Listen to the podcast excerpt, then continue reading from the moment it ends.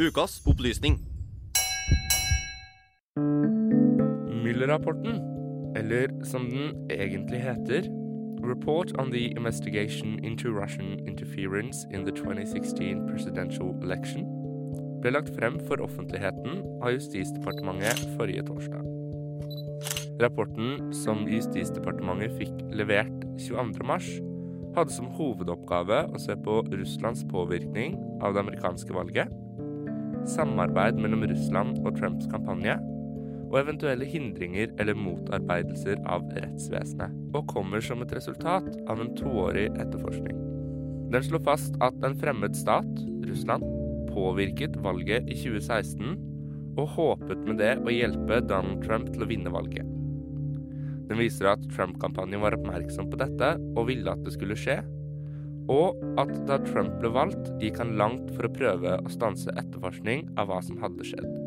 Men rapporten finner ingen tydelig bevis for at Trump-kampanjen har samarbeidet med russerne. Rapporten på 448 sider slår fast at det ikke er noe grunnlag for å si at Trump-kampanjen samarbeidet med Russland. Men Russland er ikke frikjent av den grunn. Det slås helt klart fast at Russland derimot hadde en innblanding i det amerikanske valget, med hovedmotivasjon om å få Trump valgt som president. Påvirkningen skal ha funnet sted på sosiale medier, der russiske arbeidere, både gjennom kommentarfelt og ulike debatter, men også gjennom reklame, tydelig favoriserte Trump over Clinton. Samtidig som de opprettet ulike forumer og grupper på Facebook, der de utga seg å være representanter fra ulike grupper i USA, som f.eks. homofile eller innvandrere. Samtidig skal russiske agenter ha hacket Clinton og hennes medarbeidere sine e-postkontoer og lekket sensitive dokumenter og informasjon fra disse. Rapporten peker samtidig på en rekke tilfeller av kontakt mellom Trumps valgkampmedarbeidere og personer med tilknytning til Moskva. Müller mener likevel at det ikke er gode nok beviser til å dokumentere at personer tilknyttet valgkampen konspirerte med russerne.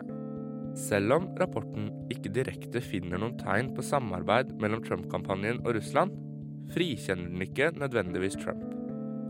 Ifølge Müller-rapporten var det ti situasjoner der Trump forsøkte å forhindre Müllers etterforskning.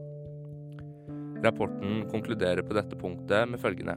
Hvis vi var sikre på at det ikke hadde vært noen forhindringer i rettsvesenet, ville vi slått dette fast.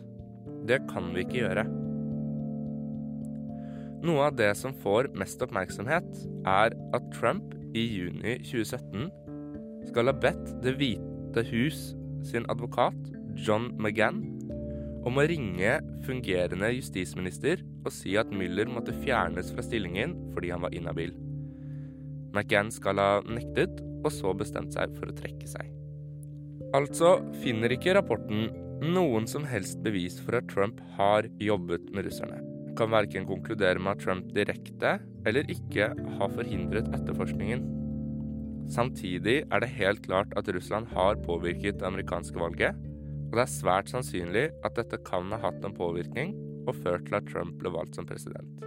Men hva som blir fremtiden til Trumps presidentskap, eller hva som kan være konsekvensen av dette, det har ikke rapporten noe svar på.